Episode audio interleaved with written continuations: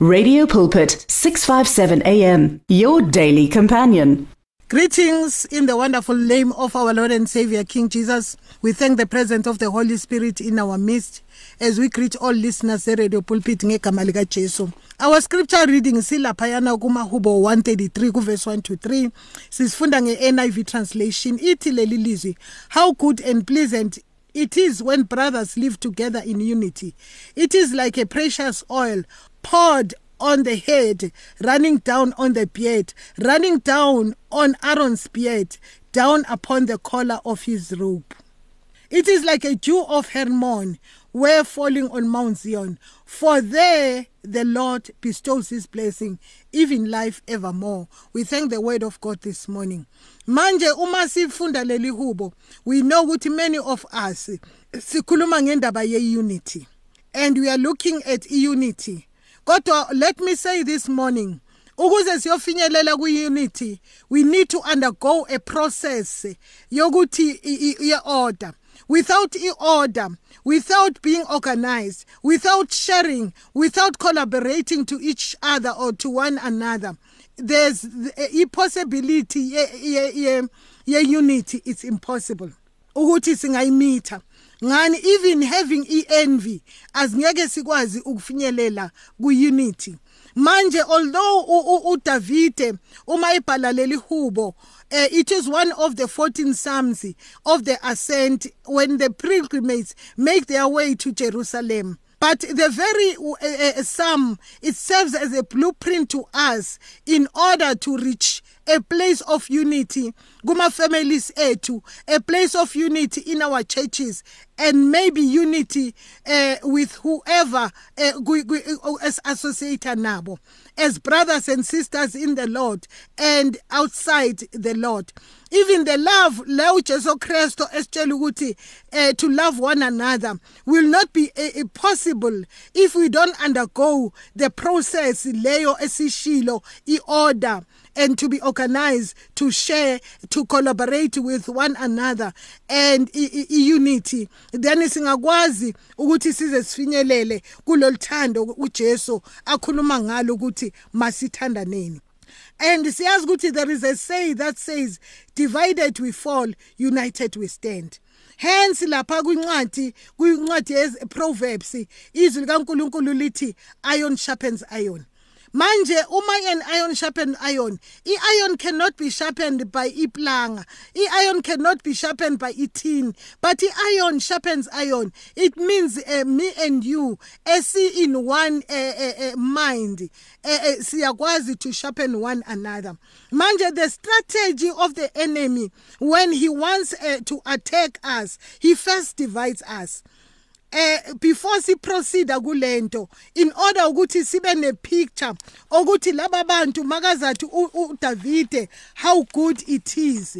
Kudingeka ukuthi sibheke encwadini yezenzo chapter 2 kuverse 9 again kuzenzo chapter 8 it gives us a full understanding that how good it was that the nation from different languages and different countries would be converted laba baba converted ku-judaism would come together from asia from medes from libya from cyrene from rome from crete from egypt ethiopia and more would unite together uh, with the Jews in Israel to celebrate this festival.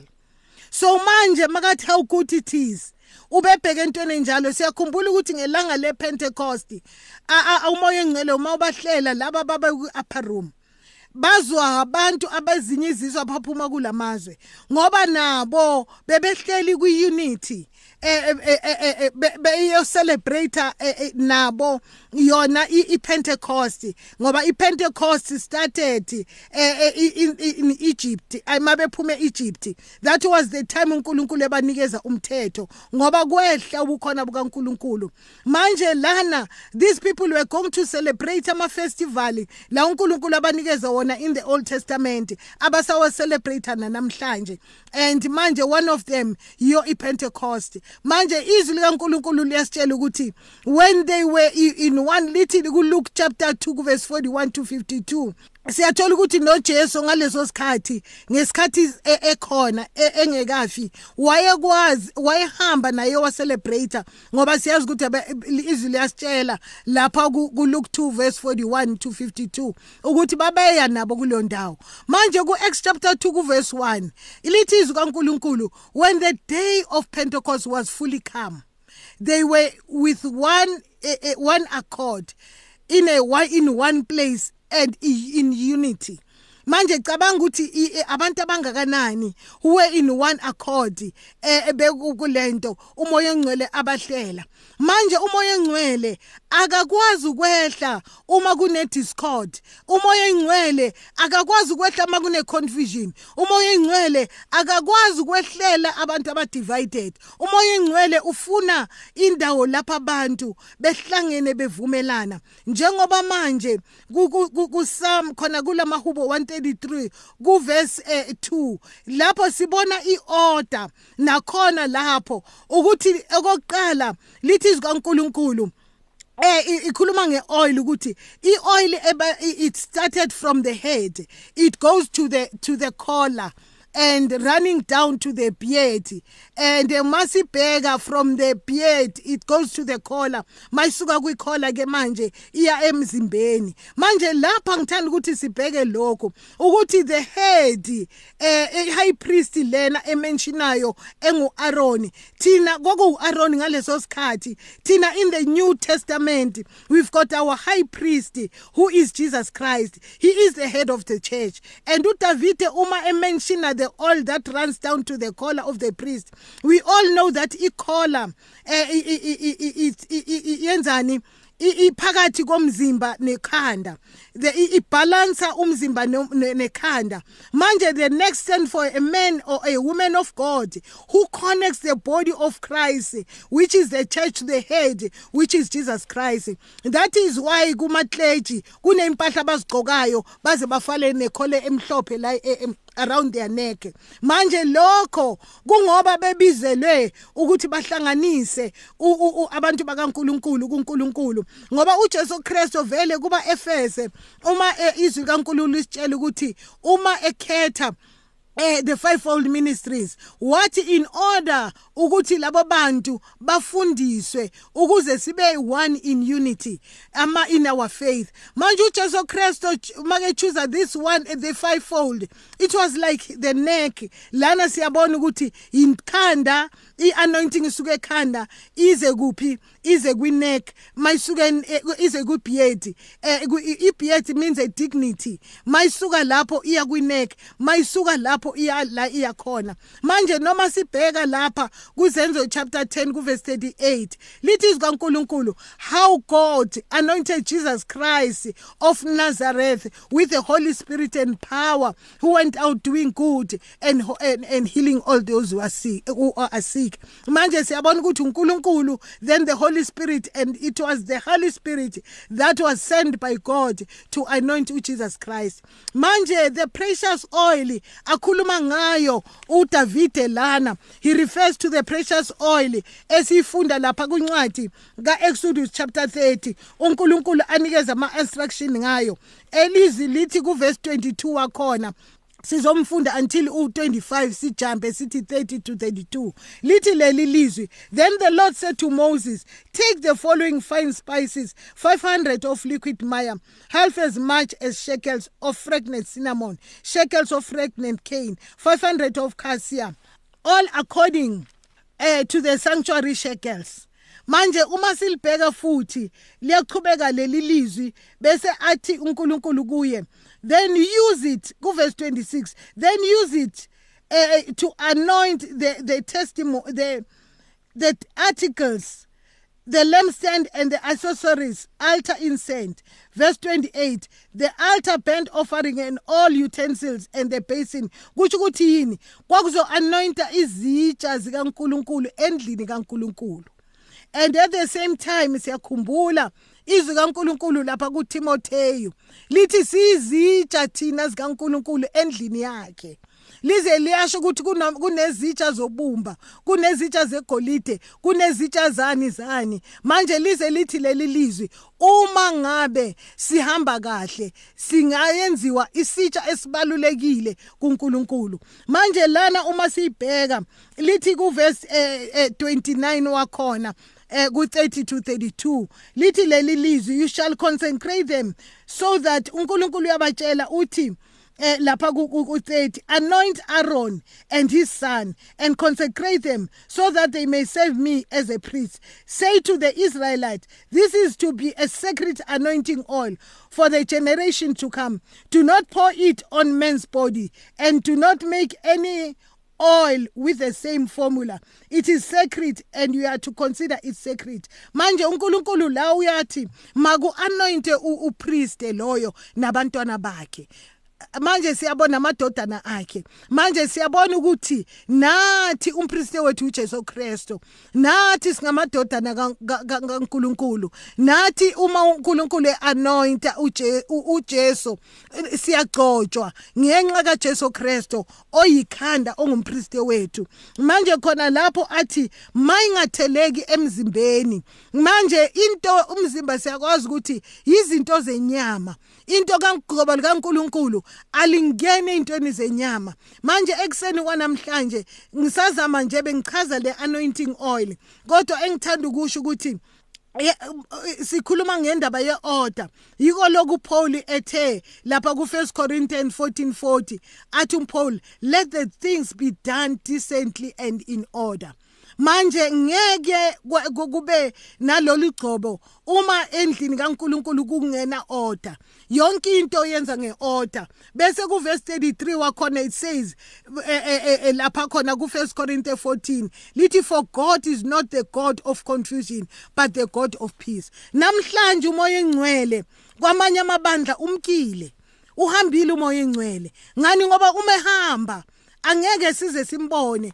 Incwadi kaEzekiel iyasitshela ukuthi the glory kaNkuluNkulu yayibonakala phezulu kwabantu. Kodwa uma seyiphuma iglory angeke size siyibone. Namhlanje abantu bahamba ngemizwa yabo bahamba ngeexperience yabo kodwa anointing kaNkuluNkulu dala yahamba. Kanjalo nangoSamson siyakhumbula ukuthi kwakuwumuntu owayiba ne-anointing kaNkuluNkulu akwazi ukula nezizwe. Kodwa ngelinye lamalanga lithi izwi kaNkuluNkulu wathi makeqala ukwenza lento njengenjwayelo kanti umoya engcwele sekehambile. Some of the people umoya engcwele kudala wathutha. Sekusele i-experience yethu sekusele ini injwayelo. Ngani? Ngoba uma ungena kuthula kungekho order. Angeke umoya engcwele akazi ukumuva lapho. Izinto zikaNkuluNkulu ziyizinto zeorder. Manje sikhuluma ngendaba ke ye-unity ukuthi unity in order sifinyelele kuyo we need to do things ngeorder. That very order is expected in our families. And if the family comply to the rules given uNkulunkulu ngezwi lakhe, eh, there will be less ama divorce cases and they will in our community. Njengoba silifunda futhi nakwincwadi yama Ephesians, njengoba sikhuluma ke ngani ngendaba yani yeorder. Ukuthi uNkulunkulu uyibekile order nasemabandleni uyibekile order nasemakhaya ethu ngoba lapha ku aba Efese chapter 5 ku verse 22 wakhona siye ezansi wakhona lithi ku chapter 5 kuma Ephesians ikhuluma ngeorder. Lithi leli lizwi wives submit to your husband as as to the Lord. For the husband is the head of the wife as Christ is the head of the church his body of which he is the savior. Now as the church submit to Christ so also your wives should submit to their husband in everything. Ku verse 25 lithi husbands love your wife just as Christ loved the church and gave himself for, for her, to make her holy, cleansing her by washing with water through the word, and to the present himself a radiant church without stain and wrinkles or any other blemish but holy and blameless. Manje siyabona ukuthi submission nani nothando neorder yenzakalayo ukuthi ubaba simba- simbeke njengenhloko. U- u- u- sometimes siyaye sithi ngoba ubaba engasebenzi singamthathi njengenhloko kanti uNkulunkulu kubekile lokho. Manje ngithanda ukuthi uma uNkulunkulu ethi wife submit to your husband this has nothing to do with the husband who is abusive. But sikhuluma ngehusband e- emsabayo uNkulunkulu. Ngoba ukusaba uNkulunkulu baningi abantu abangaye enkonzweni kodwa bemsaba uNkulunkulu. Sometimes your husband eh, akusumuntu othi aphume eyenkonzweni kodwa izinto azenzayo uyamsaba uNkulunkulu. But manje lana malithi izikaNkulunkulu sub wife submit to to to to your husband. It doesn't mean to say wife must submit to any man. And at the same time, when we are submitting as wife, we are creating a platform for him ukuthi abe respected. Njengoba sifunda kumahubo 31 kuverse eh, eh, 23 that the husband is written, is respected at a city gate where he takes a city among the elders of the land. Siyazi ukuthi ilapha kumahubo 31 verse 23 ngoba ikhuluma ngomfazi kuqala o- o- o- owenza izinto ezinhle and ngokwenza lokho lithi umyeni wakhe uhlonitshwa nasemasangweni. And phakathi kwama elders endawo. Manje lapha siyabona ukuthi ukusubmitha komuntu owumama the wife to the husband uh, it's not about i-abuse but the meaning of all this ukuthi uNkulunkulu once ukuthi umyeni umyeni wakho ahlonipheke umyeni wakho abe nevoice ngoba lithi izikaNkulunkulu khona lapho ku verse 23 wakhona her husband is respected at a city gate where he takes a city among elders of the land. Manje to- u- u- u- uma ethatha iseat it means ukuthi naye angaba nevoice emphakathini. But uma ngabe wena umuntu ongumama ongunkosikazi wakhe ungamhloniphi ukhipha yena isithunzi angeke azahlonishwa abanye abantu. Isithunzi sikababa siza nga umuntu ongumama ngonkosikazi wakhe. Manje sometimes sesibone ngathi uNkulunkulu yinto manje asicindezela ngayo izwi likaNkulunkulu. Kodwa uNkulunkulu une purpose ngayo yonke into ayibhalayo. Njengoba sibona ukuthi ngokuhlonishwa kwakho ukuhlonipha umyeni wakho wena ombeka endaweni ephakeme. Manje at the same time amalithi izwi kaNkulunkulu.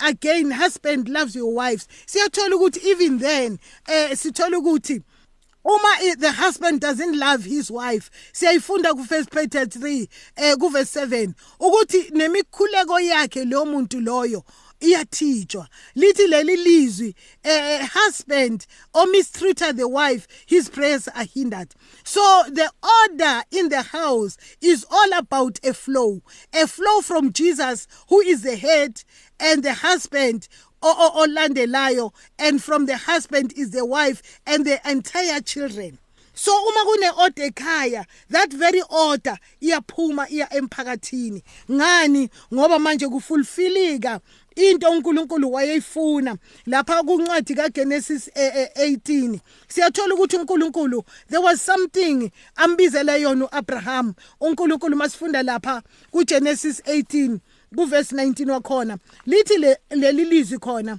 for i have chosen him uAbraham so that he will direct his children and his household after him to keep the way of the Lord by doing what is right and just, so that the Lord will bring about for Abraham what he has promised him. Manje uma uNkulu uAbraham eba director kahle abantwana, uNkulunkulu wayifuna uku raise a community ngoba phela siyakhumbula ukuthi eh, eh, kwakunjani laba behlala khona. Kwakuyinto babephila into esiningiso phambi koNkulunkulu. Na uNkulunkulu wachoza uAbraham wamkhipha endaweni yakubo, wamkhipha ezintweni zakubo.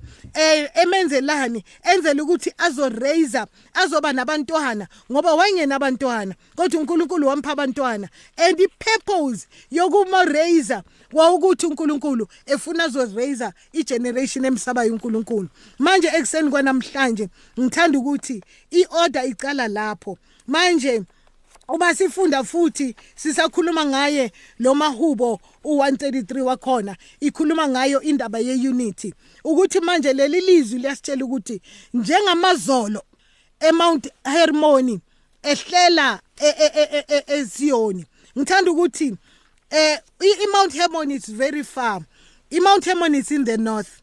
Thina baye Israel we go to Israel every year. We have seen Mount Hermon. And ku Mount Hermon ingale mawudlula neNazareth in the north. But kukhona eMount Hermon mawehla amazolo. Yiwo a creator amanzi ayongena eJordan. Siyambonga uNkulunkulu. Manje yiyo iunity uNkulunkulu akhuluma ngayo. Ukuthi manje amazolo aseMount Hermon ayathelela athelela kuphi? Eziyoni. Namhlanje abantu banamanzi eJordan River. Ngani? Ngoba iMount Hermon ithelela khona. Manje ekseni kwanamhlanje iorder yiyo yokuqala.